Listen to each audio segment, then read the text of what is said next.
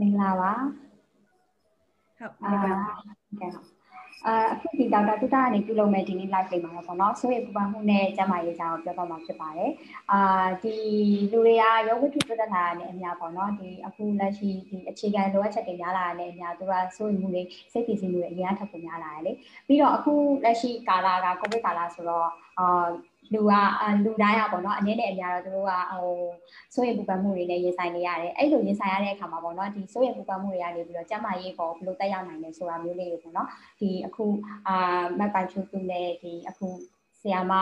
ဒေါက်တာနွေနီမျိုးထွန်းတော့ကနေပြီးတော့ပေါ့နော်ညုံဝင်းတော့ကနေပြီးတော့အာဆွေးနွေးပေးတော့မှာဖြစ်ပါတယ်ဟုတ်ကဲ့ဟိုအဲ့ဒါဆိုရင်ပေါ့နော်အမဟိုဟာမက်ပိုင်ချူသူကိုဒီမှာမေးချင်တာပေါ့နော်ဒီအမအနေနဲ့ပေါ့နော်ဒီ စိုးရင်ပူပန်မှုဆိုတာကိုဘယ်လိုမျိုးနားလည်လက်ခံထားလဲပေါ့နော်ဟုတ်ကဲ့ဟုတ်အဲစိုးရိမ်ပူပန်မှုဆိုတာတော့အမမြင်တာကတော့လေလူတိုင်းနဲ့ဒါမကွဲဘူးပေါ့နော်အမြဲလူလူရဲလို့ဖြစ်လာရင်စိုးရင်ပူပန်မှုတွေကတခုမှတခုရှုံနေရတာပဲဟိုမတို့ပြန်ကြည့်လိုက်ရင်ဟိုကဘာဦးအစားတွေကအာလူတွေကဒီ anxiety နဲ့ ကြုံတွေ့ခဲ့ရတယ်ဥမာအဲတော့ကကြတော့ဒါ predator တွေရှိတယ်ဒီသူတို့ဟိုတားရဲ့တိရစ္ဆာန်တွေနဲ့ကြုံရရင်သူတို့မှာဒီ anxiety ဆိုတာကြီးဖြစ်လာမှာပဲလေနောက်တစ်ခါအစာရေစာအတွက်သူတို့ပူပန်ရမယ်အဲ့လိုမျိုးဟိုကဘာဥစားတော့ကြာဒီလိုပူပန်မှုတွေပေါ့နော်အခုကဲဒီဘက်ရောက်လာဒီဘက်ခေတ်ရောက်လာကြမှာသူတို့မှာဒီဒီနေ့အလုပ်အကိုင်းနဲ့ပူပန်ရတယ်ငွေကြေးရှိမယ်မိသားစုပြဿနာတွေရှိမယ်နောက်အာဒီလုပ်ငန်းခွင်ပြဿနာတွေရှိမှာပေါ့နော်အဲ့ဒါတွေအကုန်လုံးကအမတို့ဆိုရင်ပူပန်မှုတွေများစေတဲ့အရာတွေပဲအဲ့မှာမှာဆိုရင်ပူပန်မှုကပုံမှန် င်ပူပန်မှုလားဒါမှမဟုတ်ယောဂကျန်းမာရေးကိုထိခိုက်လောက်တဲ့အဲ့ဒီ disorder အထိဖြစ်သွားတာဆိုတာဒီဖြစ်ပေါ်ဖြစ်ပေါ်လာတဲ့ဒီဆိုလဲပေါ့နော်အဲ့ပေါ်မှာမူတည်ပြီးတော့အပုံမှန်ဆိုရင်ပူပန်မှုနဲ့နောက်တစ်ခါယောဂဖြစ်စီလောက်တဲ့ဆိုရင်ပူပန်မှုဆိုပြီးခွဲသွားတာလို့မှသူကတော့နားလဲတယ်ပေါ့နော် များသောအားဖြင့်ဟိုစိုးရင်ပူပန်မှုလို့ပြောလိုက်တာ ਨੇ မကောင်းတဲ့ဘက်ကပဲများသောအားဖြင့်ဟိုတွေးကြရပေါ့နော်မသူကိုယ်တိုင်လည်းအရင်စာတွေလိုက်မဖတ်ခင်တုန်းကကြတော့ဘယ်လိုထင်ခဲ့လဲဆိုတော့ anxiety ဆိုရင်ဒါ bad meaning ပေါ့နော် anxiety ဆိုတာလည်းမကောင်းဘူးဒါပေမဲ့တကယ်တော့ပြန်စဉ်းစားကြည့်မယ်ဆိုရင် anxiety ကြောင့် anxiety ကိုကောင်းမွန်နဲ့ကောင်းမွန်စွာအသုံးချတတ်ရင်မသူတို့အတွက်အကျိုးရလဒ်တွေရှိတာလည်းရှိတယ်။ဥပမာ လွယ်လွယ်ကူပြောရရင်အခုကားလမ်းကူးမယ်အဲမသူကားလမ်းကားတိုက်မှာမသူကကြောက်တယ်ပေါ့နော်ကြောက်တယ်ဆိုရင်ကားလမ်းကူးကနေကြရင်ဘယ်လဲကြည့်မယ်ညာလဲကြည့်မယ်ပြီးမှကူးတယ်ဆိုတော့မသူကားမတိုက်တော့ဘူးဆိုတော့ဒါကိုမှရှိတဲ့ anxiety ကိုကိုကောင်းမွန်စွာအသုံးချသွားတာပေါ့ဥပမာကျောင်းတော့ဆိုလဲဆံမွဲကြမှာရမ်းကြောက်တယ်မသူကဆံမွဲကြမှာကြောက်တဲ့ခါကျတော့စာကြက်တယ်စာကြက်တော့ဆံမွဲမကြတော့ဘူးပေါ့ဆိုတော့ဒါကိုမှရှိတဲ့တခြား ကြည့်ရင်ပေါ့နော်ဒီ anxiety ကိုကိုအသုံးချပြီးတော့ကောင်းမွန်တဲ့အကျိုးရလက်ရအောင်လုပ်ခဲ့တာလို့ပြောလို့ရတယ်ပေါ့နော်ဆိုတဲ့အခါကျတော့ဟိုအဲ့တော့အဲ့ကြောင့်ခုနကမသူပြောသားသလိုပဲကိုဒီ anxiety ကိုကိုဘယ်လို deal လုပ်လဲဘယ်လို handle လုပ်လဲပေါ့နော်အဲ့အပေါ်မှာကိုအတွက် anxiety ကကောင်းချိုးပေးမလားဆိုးချိုးပေးမလားဆိုတာကွာသွားတာပေါ့အာဒီဆိုရင်ဘွမ်မှုကိုတေချာမထိန်းနိုင်မပဲနဲ့ပေါ့နော်ဒီဟာတစ်ခုကိုဥမာကြောက်တယ်ဆိုရင်လည်းဆိုရင်ဒါပဲထက်ခါတလဲလဲအမြဲအမြဲတွေးနေတဲ့အခါကျတော့ဘာဖြစ်လာလဲဆိုတော့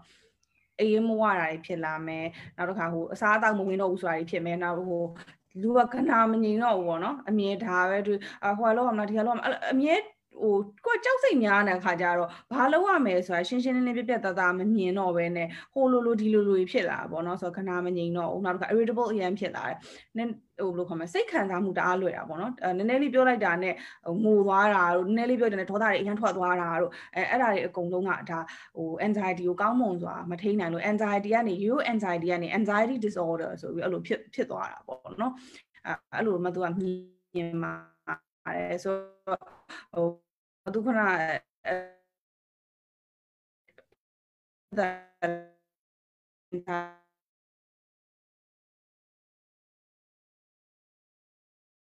စားယူမယ်စူးစမ်းယူလို့ရ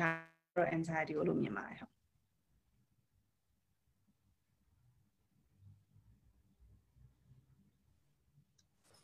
အဲဒီမှာလေး mute ဖြစ်နေတဲ့အထင်ဟုတ်ကဲ့ဟုတ် ဒေါက်တာရှင်ဒေါက်တာအနေနဲ့ရောဒီ anxiety ပေါ်မှာဘယ်လိုမျိုးမြင်နေပေါ့နော်ညီမတို့အနေနဲ့ရောဒီ anxiety စိုးရိမ်ပူစိုးရိမ်ပူပန်မှုဖြစ်လာတယ်ဆိုတာမျိုးပေါ့နော်ဘယ်လိုအခြေအနေမှာညီမတို့ကဒါစိုးရိမ်ပူပန်မှုဖြစ်နေတယ်ဆိုတာမျိုးသိနိုင်လဲပေါ့နော်ဟုတ်ဟုတ်ဟိုဒီမှာဝိုင်းညီမလေးမယိုသူလည်းပြောသွားတယ်ပေါ့နော်အဲ့တော့အာဘယ်နေလဲအဲဆရာမလည်းမေးတယ်ဆိုရင်ပူပန်မှုဆိုတာတော့အားလုံးနားလည်ထားတယ်လို့ဒါ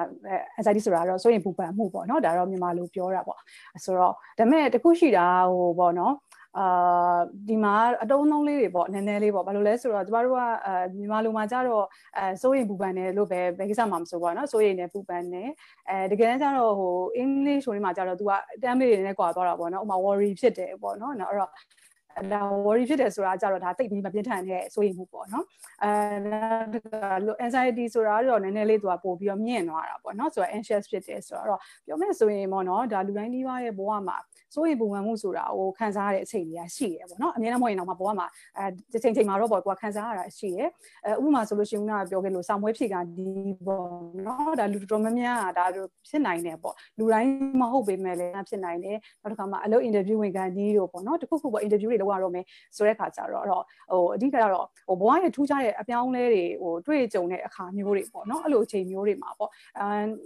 နိုင်ငံရေးခြားသောတာမျိုးတွေပါလည်းဖြစ်နိုင်တယ်ပေါ့နော်တချို့ဆိုလည်းမင်္ဂလာဆောင် နီးပေါ့နော်ဒီလိုလုပ်ရမယ်အပြောင်းအပြောင်းလဲတွေဖြစ်မယ်ဆိုရင်ပါဒီချိန်ဒီမှာလူတွေကဆိုရင်ပူပန်နေတာတွေကိုအဲခံစားရလေးရှိတယ်ဟိုအဲ့ဒါပြောမယ်ဆိုလို့ရှိရင်ဟို normal ပဲပေါ့နော်လုံးဝဒါပြဿနာမရှိဘူးဘာကြောင့်လဲဆိုတော့အဲ့ဒီကိစ္စတွေပြီးသွားရင်အဲ तू ကပြန်ပြီးတော့အဆင်ပြေသွားမှာပေါ့နော်ဥပမာဆောင်းမွဲဖြေတယ်ဆိုရင်မဖြေခင်မှာစိုးရင်နေမှာပေါ့ဆောင်းမွဲဖြေပြီးတဲ့အချိန်မှာကိုလည်းဖြေလိုက်နိုင်တယ်အဆင်ပြေရဆိုရင်ဒီဟာအာပြဿနာတစ်ခုမဟုတ်တော့ဘူးပေါ့နော်မကြံခဲ့တော့ဘူးပေါ့ကိုမှကို normal ကိုပြန်ရောက်သွားတယ်ပေါ့ အဲဒါပေမဲ့တကယ်ဒီ anxiety လို့ခေါ်မယ့်ဟာအကြတော့ तू ကတခါတလေမှာကျုပ်လူတွေအတွက်ကပေါ့နော်ဒီဆိုဝိပူပန်မှုက control လုပ်ရတာခက်ခလို့မဟုတ်ပေါ့အဒါကိုပြန်ပြီးရော့သွားအောင်မလုပ်နိုင်တဲ့အခြေအနေတွေရှိတတ်တယ်အော်ဒီ anxiety ကြီးကအဲ့ဒီအချိန်မှာသူသူ့မှာဒီစိုးရိမ်ပူပန်မှုကြီးကတောက်လျှောက်ကြီးပေါ့နော်ရှိနေမယ်အာပျောက်သွားတာမျိုးမရှိဘူးဘဲနဲ့ပေါ့နော်အာဟိုအာမရှိဘဲနဲ့ သူက connection နဲ့ကြာသွားတယ်เนาะကြာလေတာမသိသွားတယ်ဟုတ် okay ဆောင်းဆက်ပြောလိုက်အာ okay အဲ့တော့ရောသွားတာပျောက်သွားတာမျိုးမရှိဘဲနဲ့ဒီစိုးရိမ်ပူပန်မှုဆိုတဲ့ဟာကြီးอ่ะပေါ့နော်ဟိုတောက်လျှောက်ကြီးရှိနေမယ်ခံစားနေရမယ်ပြီးတော့အဲ့ဒါကနေ့စဉ်ဘဝမှာပါလာပြီးတော့ထိခိုက်နေမယ်ဆိုရင်တော့အဲဒါကအဲ ပြဿနာတွေတစ်ခုဖြစ်လာပြီเนาะ mental problem ပဲပြောပြောဒါ mental disorder ဒါ mental illness ပေါ့เนาะအဲ့လိုအထီကိုပေါ့ဒီ anxiety ဆိုတဲ့ဟာကြီးကသူကကြီးမားလာနိုင်တယ်အဆင့်ဆင့်ပေါ့เนาะပြောမယ်ဆိုရင်တော့ mild လား moderate လား severe လားပေါ့အဲ့တော့သူ့ရဲ့အခြေအနေပုံမူတည်ပြီး anxiety ရဲ့ဟိုလူတွေပေါ်မှာတက်ရောက်မှုပုံမူတည်ပြီးတော့မှသူကအဲကိုကဆက်ပြီးပြောရမယ့်အခြေအနေတွေကရှိလာတာပေါ့ ဟုတ်ကဲ့အဲ့ဒီဟိုပါပေါ့နော်အခုလက်ရှိဆိုရင်ပေါ့နော်ဒီလူတွေဒီအခုလိုမျိုးဆွဲပူပန်မှုတွေအဲ့လိုမျိုးနေစဉ်ဘဝမှာတက်ရောက်မှုတွေပေါ့နော်အာတက်ရောက်မှုတွေဘယ်လိုရှိနိုင်လဲပြီးတော့နောက်တစ်ခုကပေါ့နော်အဲ့ဆွဲရင်ပူပန်မှုများလာတယ်ပေါ့နော်များလာတဲ့အခါမှာအဲ့ဒါတွေကဘယ်လိုနောက်ဆက်တွဲတွေရောထပ်ပြီးတော့ဖြစ်နိုင်နေလဲပေါ့နော်ဒီဆွဲရင်ပူပန်မှုများလာတဲ့အပေါ်မှာဟုတ်ဟုတ် စိုးရင်ပူပန်မှုကပေါ့နော်သူကဟိုပြင်းထန်လာပြီဆိုလို့ရှိရင်ဝေဒနာတစ်ခုလိုမျိုးပေါ့နော်ဖြစ်လာတာပေါ့ဝေဒနာတစ်ခုလည်းသူ့ရဲ့ပုံစံဖြစ်လာတယ်အဲ့တော့ဒီချိန်တွေလူတယောက်ကခံစားရပြီဆိုလို့ရှိရင်ဒီစိုးရင်စိတ်တွေသူ့မှာနောက်တစ်ခါကြောက်စိတ်တွေရောပေါ့နော်အဲ့ဒါတွေကသူကခုနလိုတောက်လျှောက်ခံစားလာရတဲ့အခါမှာအာခံစားနေရတာပေါ့နော်အဲ့တော့ anxiety ကပြောမယ်ဆိုရင်တော့သူကအများကြီးရှိတယ်ပေါ့နော် anxiety အမျိုးအစားတွေကအများကြီးရှိတယ်ပေါ့အဲ့တော့ဒီ DSM-5 ဆိုတဲ့ပေါ့နော်ဒီ American Psychiatric Association ကထုတ်တယ်ပေါ့ဒီစိတ်ပညာရှင်တွေအာနောက်တစ်ခါစိတ်ကျန်းမာရေးဆရာဝန်တွေအဓိကကိုးကားရတဲ့စာအုပ်ထဲမှာဆိုရင်သူကနောက်ဆုံးပေါ့နော်ဒီ DSM-5 ထဲမှာဆိုရင် anxiety နဲ့ပတ်သက်ရင်ကိုသူကအမျိုးအစား10မျိုးလောက်ကိုရှိတာပေါ့နော်ဒါပေမဲ့ဒီနေ့မှာတော့အမတို့ကပေါ့နော်ဒီရေဘူးကသဘောဖြစ်တယ်ပေါ့အဲ generalized anxiety disorder ဆိုတဲ့ဟာပေါ့အဲ့ဒီဟာနဲ့ပတ်သက်ပြီးတော့ပြောသွားမှာပေါ့နော်သူ့ရဲ့နာမည်တိုင်းပဲသူက generalized ပေါ့အဲ့တော့ generalized ဖြစ်တယ်ဆိုတဲ့အခါကျတော့အာဒီအခြေအနေကိုခံစားနေရတဲ့လူတယောက်ကသူကစိတ်တင်းကျပ်တာတွေပူပန်တာတွေကိုသူကကာလရှည်ကြာခံစားနေရမယ်ပြီးရင်သူကအကြောင်း issue တော်တော်များများနဲ့ပတ်သက်ပြီးလဲစိုးရိမ်နေတယ်ပေါ့နော်သူမှဟိုကိစ္စတစ်ခုတည်းမဟုတ်ဘူးပေါ့အမကိစ္စတစ်ခုတည်းနဲ့ပတ်သက်ပြီးစိုးရိမ်နေတာကြတော့မှ phobia တွေပေါ့နော်တစ်ခုခုပေါ့အမအမြင့်ကြောက်တာတို့အဲတစ်ခုခုပေါ့နော်လောကမလင်းစီးရမှာကြောက်တာဒီလိုမျိုးဖြစ်နိုင်တယ်အဲတောင်းမွေတခြားဟာတွေပေါ့မှာ panic ပေါ့နော် disorder ပေါ့တစ်ခုခုပေါ့ဒီဟာမှာ stage ပေါ်တက်ရတော့မယ်ဆိုလို့ရှိရင်ပေါ့နော်အရင်ကစိတ်တွေလှုပ်ရှား anxiety ဖြစ်လာအဲ့လိုဒါတွေကကြတော့တစ်ခုချင်းစီတီးတန်ပေါ့အဲဒါပေမဲ့အခုလိုမျိုးပြောတဲ့ဥနာရေဘူးရသဘောဆန်ဆန်ခံစားနေရတဲ့လူတယောက်ကကြတော့ तू ကအကြောင်းအရာတစ်ခုပြီးတစ်ခုသူ့မှာဆက်နေလိမ့်မယ် အဒီအကြောင်းအရာအတွက်ကိုစိုးရင်ပူပန်တဲ့ဟာတက်တာသွားပြီးပြီးရင်နောက်တစ်ခုကသူ့မှာပေါ်ပေါ်လာပြန်ဟောပေါ့နော်အမဥပမာပြောမယ်ဆိုလို့ရှိရင်ဒီမှာတို့အာမနေ့စဉ်ဘဝမှာပေါ့ဟိုခံစားရတဲ့ဟာမျိုးပေါ့အဲ့ဒီလူတွေကဥပမာမိုးလင်းတွေကသူမနေ့စာစားနေတဲ့အချိန်မှာအဲမနေ့စာစားနေနေမှာသူစဉ်းစားနေဟာငါကြောင်းသွားရတာနောက်ကျနေမလားယုံသွားတာများနောက်ကျနေမလားပေါ့နော်အဲတခါသူလှမ်းအဲ့ဒီအချိန်မှာလည်းသူလှမ်းစဉ်းစားပြီးပူနေပြီဥပမာနေ့တနေ့ရဲ့အစပဲရှိသေးတယ် ပြီးယုံသွားချောင်းသွားနေတဲ့အချိန်မှာလည်း तू ကအဲလမ်းမှာ तू စဉ်းစားမယ်ပေါ့ဒီနေ့ငါယုံမှာမှအဆင်ပြေပါမလားပေါ့နော်အာအကြောင်း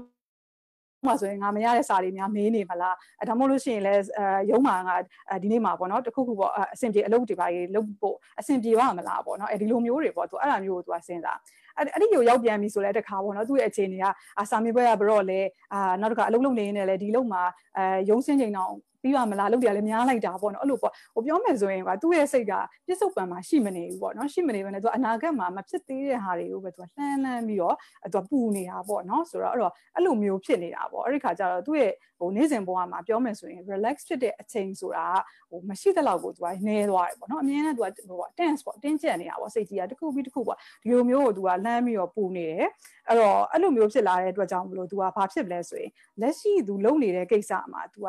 အာယုံကောင်းကောင်းမဆိုင်နိုင်တာမျိုးဖြစ်သွားတာပေါ့နော် concentration တွေပေါ့ကျသွားမယ်အဲဒီခါကျတော့သူကဘာဖြစ်လဲဆိုတော့အဲ့တော့ concentration ကျတယ်ဆိုရင်ဒါအားလုံးလဲပေါ့နော်သူကိုသိကြတာပေါ့ အလုံးနေတဲ့အလုပ်ကမပြီးတော့ဘူးပေါ့နော်ကိုတကယ်လုပ်ရမယ်ဒီဟာအခါတိုင်းဆိုရင်စိတ်အေးနေတာလုပ်နေမှာနိုင်ဝက်လောက်နေကိစ္စအခုကတနိုင်နဲ့လည်းတေချာမပြီးဘူးအဲ့မပြီးရင်မှဖြစ်မလဲဆိုတော့ပိုပြီးစိတ်ပူလာတာပေါ့နော်အလုံးမှာထိခိုက်လာတယ်ဟာပိုပြီးတော့ဟာငါမပြီးရင်တော့ဒုက္ခပဲဒုက္ခပဲအဲ့ဒီစိတ်တွေသူကဖြစ်တော့အဲ့လိုမျိုးတွေသူအာယုံဆိုင်မရလေပိုပြီးတော့စိတ်ပူလေးစိတ်ပူလေးပိုဆိုးလေဆိုဟိုမလုံးဆက်ကူကတ်တယ်လို့မျိုးပေါ့နော်အဲ့လိုမျိုးတွေသူကဖြစ်လာတာပေါ့အခြေအနေကပေါ့အဓိကကတော့သူဒီအဲပစ္စုပန်မှာသူကသူ့စိတ်ကမနေဘဲနဲ့သူကဒီဟာကိုလှမ်းပြီးပူနေရတဲ့အတွက်ကြောင့်ပေါ့နော် အဲ့နောက်ဆက်တွဲတွေကဘာတွေဖြစ်နိုင်လဲပေါ့နော်ခုနကတော့အာသူသူလည်းပြောရတယ်မှာပါတယ်ပေါ့အဲ့တော့ဒီ anxiety ခံစားနေရတဲ့လူမှာအတိအသာဆုံးကသူကအိတ်မပြောတဲ့ဟာ ဖြစ်ကြတယ်ပေါ့နော်။ဘာလို့ဆိုတော့ဒီအိတ်တော်မဲ့ချိန်ဆိုအတွေ့အကြုံပေါင်းစုံဝင်လာပြီလေနော်။အဲဝင်လာတဲ့ခါမှာသူနောက်နေ့အတွက်တွေးပူမဲ့ကိစ္စတွေပေါင်းစုံအတွက်ပေါ့။အဲ့တော့ तू ကအာအိတ်လိုကမရဘူး။အဲ့တော့သူတို့ရဲ့ဒါတကယ်ကိုပေါ့နော် comment ဖြစ်တဲ့ဝင်ကဟာညဆိုအိတ်လိုမရဘူးပေါ့။အိတ်မရတော့အိတ်မှာလည်းခုနလိုစိတ်ကပူအောင်ဟာငါအေးမောရရင်ပြဿနာပဲပေါ့နော်ဆိုပြီးတော့အဲ့တော့လူကလည်းဘယ်လိုဖြစ်လဲဆိုတော့စိတ်တင်မကဘူးအေးမောကတော့လူက productive မဖြစ်ဘူးပေါ့နော်။နောက်တင်ချလာတဲ့ခါမှာအဲလူကနှုံးချနေမယ်အဲလောရကန်ရတာတွေလည်းအဲအစင်မပြေတော့ဘူးပေါ့နော်နောက်တစ်ခါခေါင်းမူးတာတို့ပေါ့စသဖြင့်ပေါ့နော်ရင်တုံတာတို့ဒီလိုမျိုးလေးတွေပေါ့လို့ဖြစ်အဲ့တော့အာဒီလိုတချို့တွေကြတော့လည်းမှာကိစ္စတစ်ခုအတွက်ကိုပူနေတာမျိုးပေါ့ဥမာ အလုံးမှာအဆင်မပြေမှာအောင်စိတ်ပူရဲလို့ဆိုရင်အလုံးသွားဖို့စဉ်းစားလိုက်တာနဲ့ねသူကအဲ့လိုမျိုးချင်းတွေတုံလာတယ်အခေါင်းတွေမူးလာတယ်ကနာမငိမ့်တာမျိုးတွေပေါ့နော်တချို့ဆိုရင်လည်းဟိုမှာအဖိုက်တွေပါအောင့်လာတယ်ပေါ့အဆိုင်ပေါ့သိတာပေါ့နော်အဆိုင်တွေပါအဲချင်းတွေပူလာတယ်ဆိုတော့အဲ့လိုပေါ့အဲ့တော့ဟိုစိတ်မှာနေမကဘူးသူတို့ကရုပ်ပိုင်းဆိုင်ရာမှာပါထိခိုက်မှုတွေကအများကြီးနောက်ဆက်တွဲတွေကဖြစ်လာနိုင်တာပေါ့နော်ဟုတ်ကဲ့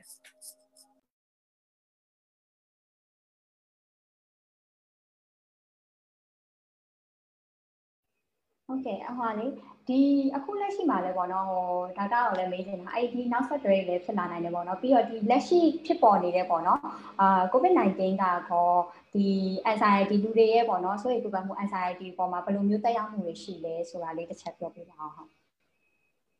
ဟုတ်ကဲ့ပါအာ COVID-19 ကလည်းအများကြီးတက်ရောက်မှုရှိတယ်ပေါ့နော်သူကဘာကြောင့်လဲဆိုတော့ဒါဟိုညီမတို့လည်းသိတဲ့အတိုင်းပဲပေါ့အာ ဒီ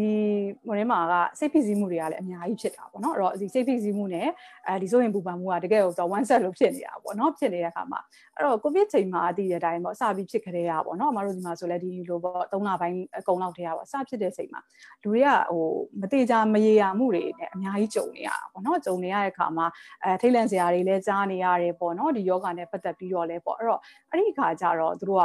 အာကိုယ်တိုင်လည်းဘယ်လိုမျိုးဆိုရင်ဝင်မှုတွေရှိနေလဲဆိုကိုယ်တိုင်ကူးဆက်မှာလည်းကြောက်ကြတာပေါ့နော်ကိုယ်တိုင်ကူးဆက်မှာကြောက်တယ် နောက်တစ်ခါမိသားစုတွေဖြစ်မှာလဲစိုးရိမ်နေပေါ့နော်အဲ့တော့အာမိသားစုနဲ့တူနေတဲ့လူကလည်းအာကိုစီကနေပြီးတော့မှအာမိသားစုတွေစီကူးသွားမလားပေါ့နော်ကိုကအပြင်ထွက်နေတဲ့လူဆိုလို့ရှိရင်အလုပ်လုပ်နေတဲ့သူတွေအသက်ကြီးတဲ့သူတွေပေါ့နော်ရှိတယ်ဆိုလို့ရှိရင်ပို့ပြီးတော့ပေါ့မတို့ဆိုလို့ပေါ့အိမ်မှာအမေကအသက်အခုကြော်ပြီးဆိုရင်ဟာကိုစီကနေပဲကူးသွားမလားပေါ့နော်ဒီလိုမျိုးကိုစဉ်းစားတဲ့လူတွေကအများကြီးပေါ့အဲ့လာဟိုတွေးပြီးတော့ဟိုပူပန်ရတဲ့လူတွေပေါ့နော် အာနောက်ပြီးတော့ဖြစ်လာလို့ရှိရင်လည်းမိသားစုနဲ့သူကခွဲပြီးတော့ပေါ့နော်သွားရတာဟိုစေုံတက်ရတယ်တို့ quarantine center ဝင်ရတယ်တို့ဆိုတာတယောက်တည်းပေါ့နော်သွားရတဲ့ကိစ္စတွေသူကဖြစ်တယ်အဲ့တော့ကိုကသွားပြီးဟုတ်ပြီကြံခဲ့တဲ့လူတွေကဘယ်လိုကြံခဲ့မှာလဲပေါ့နော်မကလေးတွေရှိမယ်လူကြီးတွေရှိမယ်ဘယ်လိုလုပ်ကြမှာလဲအဲသူတို့တွေကရောအိမ်မှာပဲ lockdown ဖြစ်မှာလားစသဖြင့်ပေါ့နော်ဒီလိုမျိုးလေးတွေအဲ့တော့နောက်တစ်ခါဘာရှိသေးလဲမြင်နေကြားနေရတာတွေကလည်းမနောက်ဆုံးချိန်မှာပေါ့နော်တယောက်တည်းပေါ့ဟိုသတင်းတွေမှာပေါ့မြင်ရတယ်ပေါ့နော်တယောက်တည်းဖြတ်တန်းရတယ်ပေါ့အဲ့လိုမျိုးအဲ့လိုပုံစံမျိုးနဲ့အဲဆုံးသွားတဲ့လူတွေလည်းရှိရဆိုဟိုဒါတွေက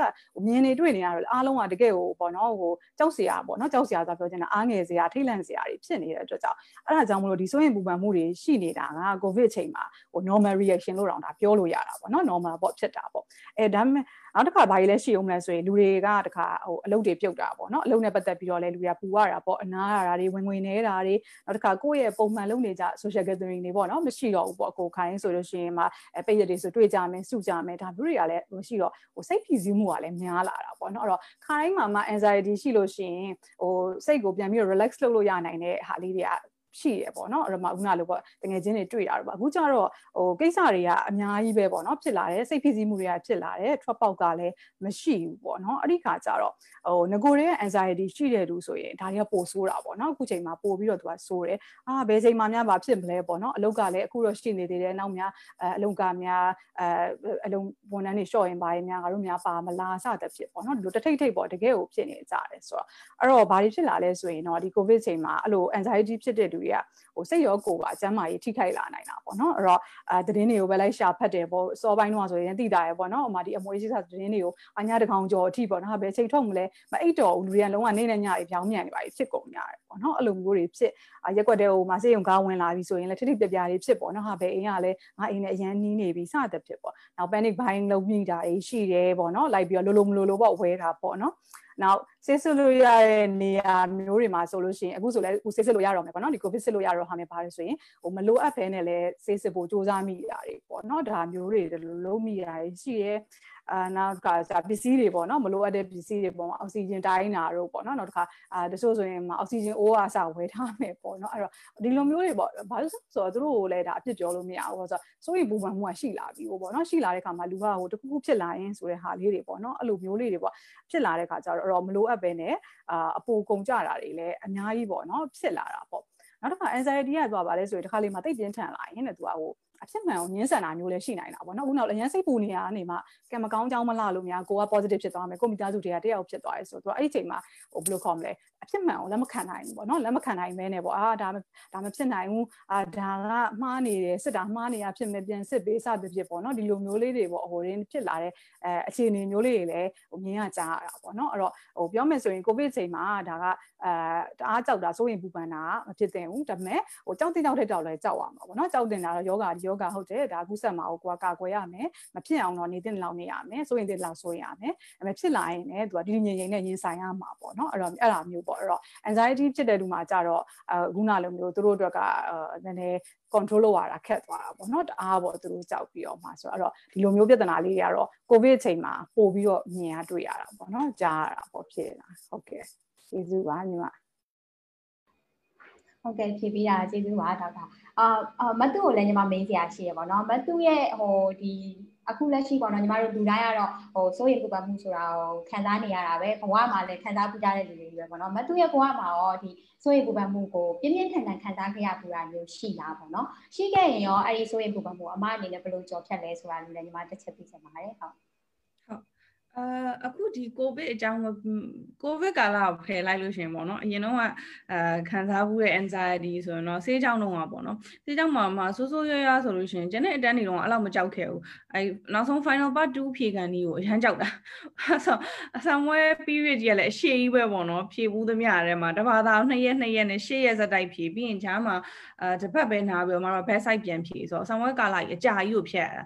အစာရက်လည်းအရန်များဆိုတော့အဲ့တော့အဲ့တော့တော့တော်တော် anxiety ဆိုတာဟိုဘယ်လိုဖြစ်လဲဆိုတော့မဖြေခင်ပေါ့နော်အဲ posting တွေအားလုံးပြီးခံနေနောက်ဆုံး last posting ရောက်တဲ့အချိန်မှာတော်တော်ပူလာငါ posting တစ်ခုတစ်ခုစာမွေးတော့ဒီလောက်ဟိုကဘာပြိုနေတာပေါ့နော်ဒီလေးဘာသာလုံးကတခါတည်းဖြေရတဲ့ဆာမွေးကြိုင်ဘယ်လိုဖြစ်မလဲဆိုအဲ့တော့အဲ့လိုလေအရန်အဲ့လိုခုနအမပြောသွားသလိုပဲလေအရန် anxious ဖြစ်ပြီးလူက ညပါအိမ်အိမ်မပြောတော့အဲ့လိုညညဆိုလို့တွေးလျှောက်တွေးပြီးအဲ့လိုပေါ့နော်ဘယ်ဘာသာကြရင်ဘယ်လိုကြအဲ့လိုမျိုးတွေဖြစ်လာတာပေါ့နော်အဲ့ဒီမှာနောက်ကြတော့ကိုယ်စိတ်ဘက်ကိုပြန်ပြီးတော့ပြန်ပြီးဖြေရတာပေါ့နော်အော်အဲဒီဆံမွဲကရှောင်လို့လည်းမရဘူးဖြေကိုဖြေရမှာဖြေရမှာဆိုခါကျဘယ်လို deal လုပ်မလဲဆိုပြီးတော့ကိုယ့်ကိုယ်ကိုအဲ့ဟို စာချက်ဖို့တငယ်ချင်းရှိရဲတငယ်ချင်းကိုဆောင်မမတိုင်ခင်တလားတည်းကအင်ခေါ်ရမယ်နှစ်ယောက်တူစာချက်မယ်ပေါ့နော်အဲ့လိုမျိုးလေး solution တွေလိုက်ရှာတယ်ပြီးတော့နောက်ဘာလုပ်လဲဆိုတော့တက်နိုင်တော့ relax လုပ်တယ်အရင်တော့ကျအဲ့လိုစာချက်တယ်ဆိုရင်စာချက်တယ်စာချက်တယ်အဲ့လိုမဟုတ်ဘဲနဲ့အဲ့တော့ကကျမသူတို့အဲ့စေးချောင်းမှာတော့နာမည်ကြီးနေတာ glee ပေါ့နော်အဲ့တော့ glee series လေးနာမည်ကြီးရဲ့အချိန်ဆိုအဲ့တော့အဲ့လိုပေါ့ဒီနေ့ဒီစာပြီးလို့ရှိရင်အဲ glee 1 episode ကြည့်မယ်အဲကိုကို reward ပေးတာပေါ့နော်ဆိုတော့အဲ့လိုမျိုး relax ပြန်လုပ်တာပေါ့နော်ကိုစိတ်ကိုကိုအဲ့လိုမျိုးအဲ့ glee ကြီးကြည့်ရယ်အဲပြီးလို့ရှိရင်ဘာလို့လဲဆိုတော့နည်းနည်းပါးပါလို့လမ်းတွေပါသွားလျှောက်တယ်အဲမမေတို့နဲ့မနဲ့စောစောဆိုတော့မနဲ့၄နိုင်ခွင်၅နိုင်လောက်ဆိုလို့ရှိရင်ကမောင်ပေါ်မှာလမ်းသွားလျှောက်တယ်ဆိုတော့လေးချင်ကန်းလေးလည်းလှုပ်ဖြစ်သွားတယ်ပေါ့နော်ဆိုတော့စိတ်ကလည်းအဲ့လိုဒီကောင်းလေးတိုင်းပါအရှူနည်းနည်းအပြောင်း လေးလေးအဲ့လိုဖြစ်လာတယ်ဖြစ်ပြီးတော့နောက်အဓိကကတော့နောက်မသူတဲ့အရန်ရေးကြီးခဲ့တာကအဲ့လိုကိုကိုနားလဲပေးလူနားမှာရှိတာဥမာ family ကလည်းအရန် supportive ဖြစ်တယ်ပေါ့နော်ဒီစာကြက်တွေပါဆိုအဲအဲ့ချိန်လုံးဆောင်းမဖြစ်ဆောင်းမနဲ့ရဲ့ချိန်ဆိုကအိမ်မှာဘီရင်မပဲခလေးဆောင်စာကြက်နေတယ်ဘူးမတော့နောက်ရှက်နဲ့မထိနဲ့မရရဲ့အဲ့လိုမျိုးပေါ့နော်ပြီးရင်သမီးလေးပါစားကျင်လဲဆိုတော့စားကျင်များဝယ်လာပြီးအဲ့လိုဆို အဲအဲ့ဟို family ရရတဲ့ support ပေါ့နော်ပြီးတဲ့အခါမသူခုနပြောမသူရဲ့စာချက်ပေါ်တငယ်ချင်းအဲ့သူသူရှိရ support ပေါ့နော်သူနဲ့ကိုလည်းဘာဖြစ်လဲဆိုတော့နှစ်ယောက်လုံးဒါကိုကိုနှစ်ယောက်ငန်းပြောငါတို့အိမ်မှာဒုက္ခတဲ့စကားဒါဆမ်မီဝဲဒုက္ခတဲ့စကားပေါ့နော်ဆိုတော့အဲ့လိုမျိုးဟိုကို ကိုသွားကိုကြုံတွေ့နေရတဲ့အခက်အခဲတွေအကုန်လုံးဒီတငယ်ချင်းကလည်းကြုံတွေ့နေရတာပဲဆိုတော့တနေ့တည်းအဲ့လိုအပြန်အလှန် support လုပ်ပြီးပြီးရင်ဘယ်ဘာသာကိုကမသူ surgery ရမ်းညံတဲ့အကြောင်းတော့အဆေးကြောင်းမှာတော့ဆို surgery ကိုကမရအောင်မသူတငယ်ချင်း surgery အရန်တော်တယ်တော့အဲ तू က तू ကစာရှင်းပြတယ်ကိုမရတဲ့ဥစ္စာဆို तू ရှင်းပြတယ်အဲ့လိုမျိုးပေါ့နော်တခါမသူကကြ pediatric ဆိုကြိုက်တာကိုကြိုက်တော့ဝါသနာပါအဲတငယ်ချင်းကို pediatric ဆက်ပတ်သက်တာဆိုပြန်အပြန်အလှန်စာတွေလဲကြက်ကြအဲ့လိုမျိုးလေးပေါ့နော်ဆိုတော့အဲ့လိုဟာနဲ့ကြော်ဖြတ်ခဲ့တယ်မသူအဲ့ဒီ အဲဆေးကြောင်းလုံးကပေါ့လေရခဲ့တဲ့ anxiety attack ကိုတော့အဲ့လိုမျိုးလေးကိုကိုစိတ်နဲ့ကိုပဲပေါ့နော်အဲ့ကြောင့်လည်းမသူကခုနကပြောတာဟို anxiety ရတဲ့အချိန်မှာအဲ့လိုကိုကိုလေးထိန်းချောင်းလိုက်ပြီးတော့ဟို positive ဘက်ကိုရအောင်ပေါ့တနိုင်တယ်လို့ negative thoughts တွေမတွေးဘူးပေါ့နော်အာဆမ်မွေးကြမလားမကြရင်ကြဝိုင်းဘယ်လိုလုပ်မလဲဖာအဲ့ဒါတွေမတွေးတော့အောင်မှာကိုကို ကိုကိုဖြည့်သိမ့်လိုက်တယ်အောင်မှာစာကြက်ရင်အောင်မှာဘယ်ဆောင်ဝဲမဆိုကြက်ရင်တော့အောင်မှာပဲနောက်ကိုမှစာကြက်ဖို့လည်းရှိရဲတော့ဒီအတွက်ကိုကကန်ကောင်းတယ်ပေါ့နော်ကောင်းတဲ့စာကြက်ဖို့ကိုလူငယ်ညာစာကြက်တာရမ်းတော်တယ်ငယ်ချင်းဆိုအာစာကြက်ဖို့လည်းရမ်းကောင်းတယ်အဲ့အတွက်ကိုကဒါအောင်မှာအဲအဲ့လိုမျိုးလေးတွေးလိုက်တာပေါ့နော်အဲ့လိုနီးနဲ့ကြော်ဖြတ်ခဲ့တယ် အော်အဲ့လိုမျိုးပေါ့နော်အမအနေနဲ့ဒီလိုကြော်ဖြတ်ခဲ့တယ်ပေါ့နော်အဲ့မှာကျတော့ဟိုညီမတို့ကျတော့ဒါကိုယ့်ကိုယ်ဒါအမအနေနဲ့ကြော်ဖြတ်ခဲ့ရခုနအမပြောသွားတယ်ပေါ့နော်ပဝင်းကျင်ရဲ့ support အမရဲ့ပဝင်းကျင် support ကလည်းအရန်ကောင်းတယ်လို့ပြောရပါတော့ဟိုညီမတို့အနေနဲ့ကောဟိုအမအနေနဲ့ပေါ့နော်တခြားဟိုတခြားလူတွေကိုကိုယ့်ပဝင်းကျင်မှာပေါ့နော်အဲ့လိုမျိုး anxiety နဲ့အရန် anxious အရန်ဖြစ်နေတဲ့လူတွေ anxiety နဲ့အရန်ကိုရင်ဆိုင်နေရတဲ့လူတွေကိုရောဘယ်လိုမျိုးဖိမကူညီတင်တယ်လို့အကြံပေးခြင်းလဲရှင် ဟုတ်အဲ့ဒါတော့တော်တော်အရေးကြီးသေးလားဘာလို့ဆိုလဲမသူတို့ဒီများသောအားဖြင့်စိတ်နဲ့ပတ်သက်တဲ့အရာတွေအကုန်လုံးပေါ့နော် anxiety ပဲဖြစ်ဖြစ် depression ပဲဖြစ်ဖြစ် speak out လို့ပေါ့အရန်ရေးကြီးရယ်ကိုကဖွင့်ပြောလို့ဖွင့်ပြောတာကိုနားထောင်ပေးမဲ့လူရှိဖို့လည်းအရန်ရေးကြီးရယ်ဆိုတော့မသူကတော့ဘယ်လိုလဲဆိုတော့လေတက်နိုင်သလားကိုကိုအဲ့လိုဖွင့်ပြောခဲ့တဲ့လူတွေရှိရင်အမြဲနားထောင်ပေးရယ်ဘာလို့လဲဆိုတော့ဟို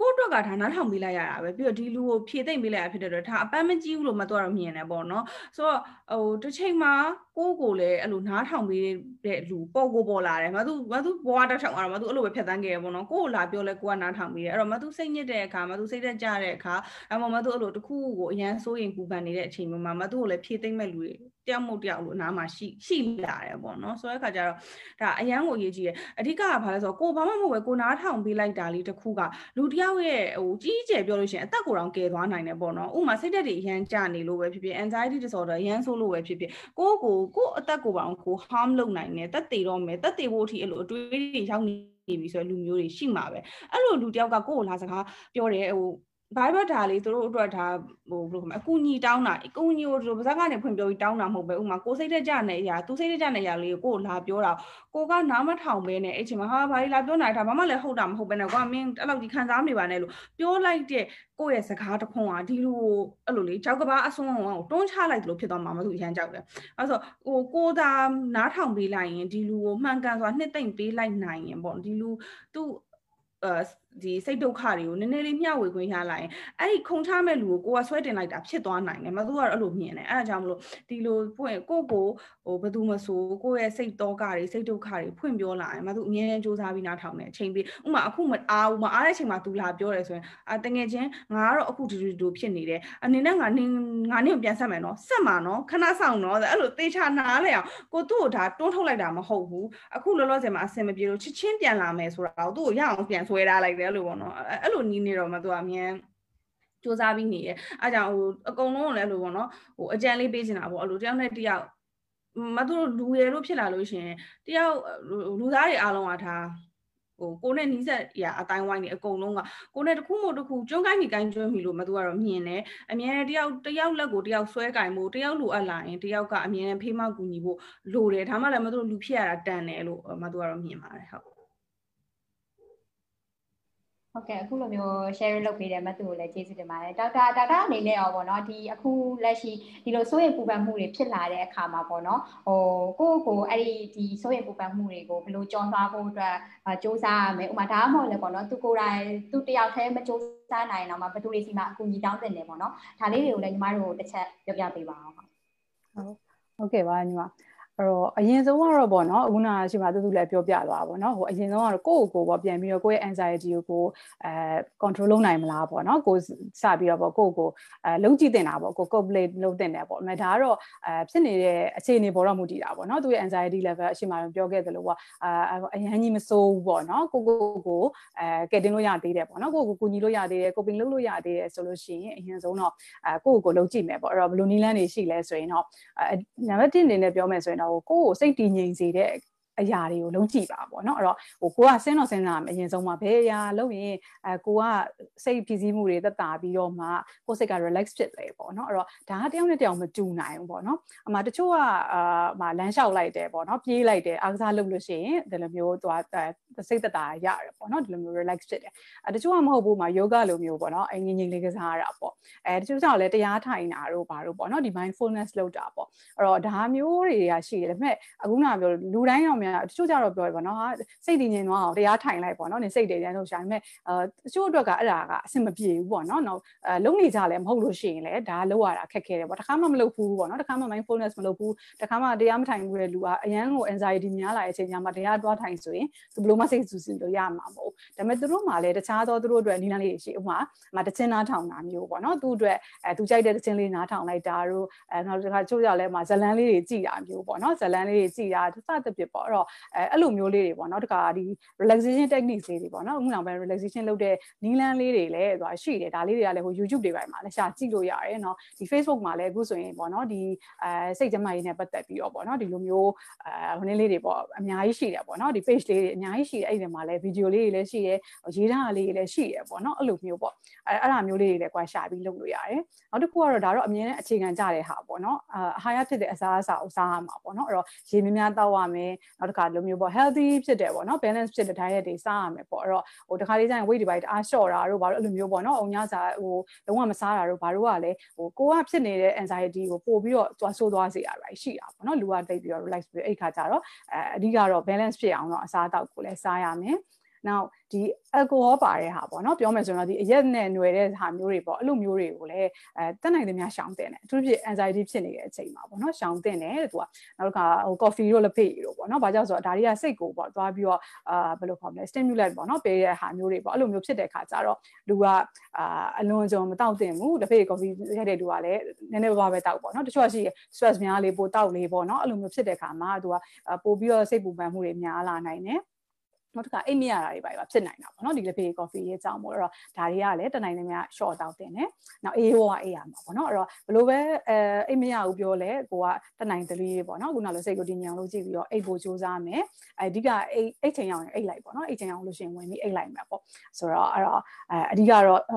sleep and rest ပေါ့နော်ဒီဟာကလုံလောက်စွာအနားယူပါမယ်နောက်အသက်ရှူလေးကျင်ခံပေါ့နော်ခုနကဒါအသက်ရှူလေးကျင်ခံကိုတခြားဟာတွေမလုပ်နိုင်ရင်တော့ဒီ breathing exercise ပေါ့နော်အသက်ကိုအဲပြင်းပြင်းရှူသွင်းတယ်ပြီးတော့မှခဏအောင်ထားတယ်ပြီးတော့ပြင်းပြင်းလေးရှူထိုးလိုက်တယ်ဒါပေမဲ့ဖြည်းဖြည်းလေးပဲပေါ့နော်ကိုနိုင်တဲ့လောက်ပေါ့အဲ့လိုဆိုတော့စိတ်တွေတအားဝင်ဖြစ်လာပြီဆိုလို့ရှိရင်အဲ့လိုမျိုးဒီ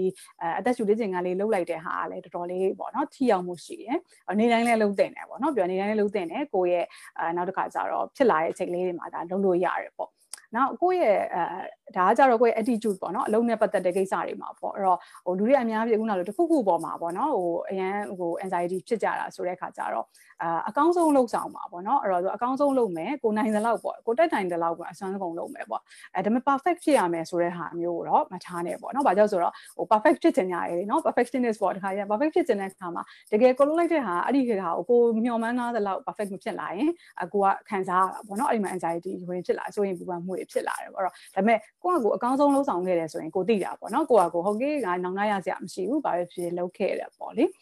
အာနောက်တစ်ခုကလည်းဗာလဲဆိုရင်ကိုကိစ္စတိုင်းကပေါ့နော်ကိစ္စတိုင်းဆိုတာကိုရဲ့ကိစ္စပဲဖြစ်စေကိုဘေးနားပေါ့နော်ဖြစ်ဖြစ်နေတဲ့ဟာတွေကကိစ္စတွေကအဲကိုရဲ့ control အောက်မှာပဲရှိနေတာမဟုတ်ဘူးဆိုတာလည်းဟိုသဘောပေါက်ဖို့ပေါ့နော်နှလုံးသွင်းဖို့အရေးကြီးရပေါ့အဲ့ဒီခါကျတော့အဲကိုဖြစ်နေတဲ့ဟာတွေကိုပေါ့အရှိတရားကိုကိုကလက်ခံနိုင်အောင်စ조사ရတာပေါ့နော်ဒီလိုမျိုးပေါ့ကိုကိစ္စပဲဖြစ်ဖြစ်ဒါကြီးကြရင်တော့ကိုကတော့အာဒီလိုမျိုးဘာလို့မလုပ်တာလဲပေါ့နော်အဲ့လိုမျိုးအားမလို့အားမရနဲ့ပေါ့အဲ့လိုမျိုးဖြစ်တယ်ဒါပေမဲ့လည်းအာမတက်နိုင်ဘူးပေါ့နော်ကိုရဲ့ control အောက်မှာမရှိဘူးဆိုတာကိုလေးကိုမြင်ဖို့ရည်ကြီးရပေါ့အခုကစောစောသူပြောရတဲ့မှာလည်းပါတယ်ဟို positive ပေါ့နော် be positive ပေါ့အဲ့တော့အာအကောင်းမြင်စိတ်လေးကိုမွေးမြူတာပေါ့နော်အကောင်းမြင်စိတ်ကိုမွေးမြူရဆိုရင်အဲတက်နိုင်သေးရွေးပေါ့ကိစ္စတွေကိုအာအကောင်းမြင်လာမယ်အဲ့တော့ negative တွေညော့သွားမယ်အဲ့ခါဆိုရင်စိုးရင်ပူပန်မှုကလည်းလျှော့သွားမယ်နောက်တစ်ခါပါလဲဆိုရင်ကိုယ့်ကိုယ်ကိုလည်းချစ်ရမယ်ပေါ့နော်ကိုယ့်ကိုယ်ကိုချစ်ပါဒါပေမဲ့နီးမှန်နှမ်းမှန်တယ်ပေါ့နော်ချစ်တာပေါ့အမတို့အမြဲတမ်းပြောနီးမှန်နှမ်းမှန်တယ်ချစ်ပေါ့ကျိုးကြောင့်လည်းဟိုအရင်ကြီးပေါ့ကိုယ့်ကိုယ်မဟာတရားကြီးချစ်တယ်ပေါ့နော်သိရမလားအကိုကိုယ်တနာလာကြည့်ရပေါ့အဲ့လိုမဟုတ်ဘူးဒါပေမဲ့အကိုကိုယ်ချစ်ရမယ်ပြီးတော့တနာတင်တော်ရတနာရမယ်ပေါ့နော်ဆိုတော့ကိုဒီ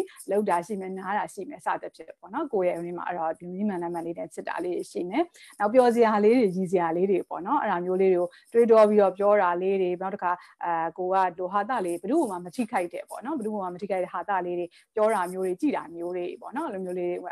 YouTube ထဲမှာဆိုလည်းလိုမျိုးတွေစကားတိုလေးရှိတာပေါ့နော်အဲ့လိုမျိုးလေးတွေပြောစရာလေးတွေအဲရှာပြီးတော့ကြည်ပါတဲ့နောက်ရီမောပါပေါ့နော်အဓိကဒီနှစ်ခုကတော့ one set ပဲပေါ့အဲ့တော့အဲရီတယ်များများရီတယ်ဆိုပြုံးတယ်ဆိုရင်လူကဘာပဲဖြစ် stress ကသူက short သွားတာပေါ့နော်ပြန်ပြီးတော့ဒီရီမောကျင်တယ်ပေါ့ နောက်တစ်ခုကတော့အဲစောစောအဲသူပြောတယ်သူဒီမှာသူအရင်အရေးပါတယ် supportive ဖြစ်တဲ့ဟာပေါ့နော်အဲ့တော့အဲတက်နိုင်တွေပေါ့လူတိုင်းလိုလိုမှာတော့ကိုယ့်ကို supportive ဖြစ်တဲ့လူတယောက်လောက်တော့ရှိတတ်တာပေါ့နော်တယောက်ဖြစ်ဖြစ်ဖြစ်မယ်အဲကံကောင်းတဲ့လူကတော့များများဖြစ်မယ်ရှိမှာပေါ့အဲ့တော့ကိုယ့်ကိုကိုယ့်ရဲ့ supportive system ကိုကိုယ့်အကိုတိဆောက်ရမှာပေါ့နော်အဲ့တော့ကိုယ့်ကိုအဲဒီလိုတကယ်ကိုပေါ့အဲယုံကြည်ရတဲ့အဲကိုရင်ဖွင့်ပြောမယ်ဆိုလို့ရှိရင်နားထောင်ပေးနိုင်တဲ့သူတွေကိုကိုယ်မှာစိတ်ဖိစီးမှုတွေများနေပြီဆိုရင်စိတ်တွေများနေပြီဆိုရင်အဖွင့်ပြောပါပေါ့နော်ဖွင့်ပြောပြီးတော့မှရင်ဖွင့်ပြီးတော့မှဒီသူတို့စီက support ကိုပေါ့နော်ကိုကရယူပါပေါ့ဒီလိုမျိုးလုပ်အောင်အဲ ဒါမဲ့အဲ့ဒါတွေကခုနပြောလို့ကိုယ့်အကိုတော့စူးစမ်းကြည့်တာပေါ့နော်စူးစမ်းကြည့်တယ်လုံးလို့ရမယ်ဆိုရင်တော့ကောင်းတယ်ဒါပေမဲ့မရဘူးခဲ့ဘူးပေါ့နော်ကိုယ့်ရဲ့ anxiety ကအများများနေလို့ပဲဖြစ်စေကံမကောင်းလို့ကိုယ့်ရဲ့ supportive ဖြစ်တဲ့လူတွေကကိုယ်နဲ့အဆက်အသွယ်မရဘူးပေါ့နော်ဒီလိုမျိုးဖြစ်တယ်ဆိုရင်တော့တက်ကြွနားလေတဲ့သူတွေနဲ့ပေါ့နော်ဒါမျိုးဟိုအတိုင်မင်တာကုသတာမျိုးတွေကိုလုံးတင်တယ်ပေါ့နော်အမပြောမယ်ဆိုရင်အဲဒီ counseling လုပ်ပေးတဲ့ counselor တွေရှိမယ်နောက်တစ်ခါဒီစိတ်ကူပညာရှင်တွေပေါ့နော်ရှိမယ်နောက်တစ်ခါအဲဒီလိုမျိုးစိတ်ကျန်းမာရေးနဲ့ပတ်သက်တဲ့ပေါ့နော်ဆရာဝန်တွေပေါ့ psychiatrist တွေလည်းရှိမယ်ပေါ့အဲ့တော့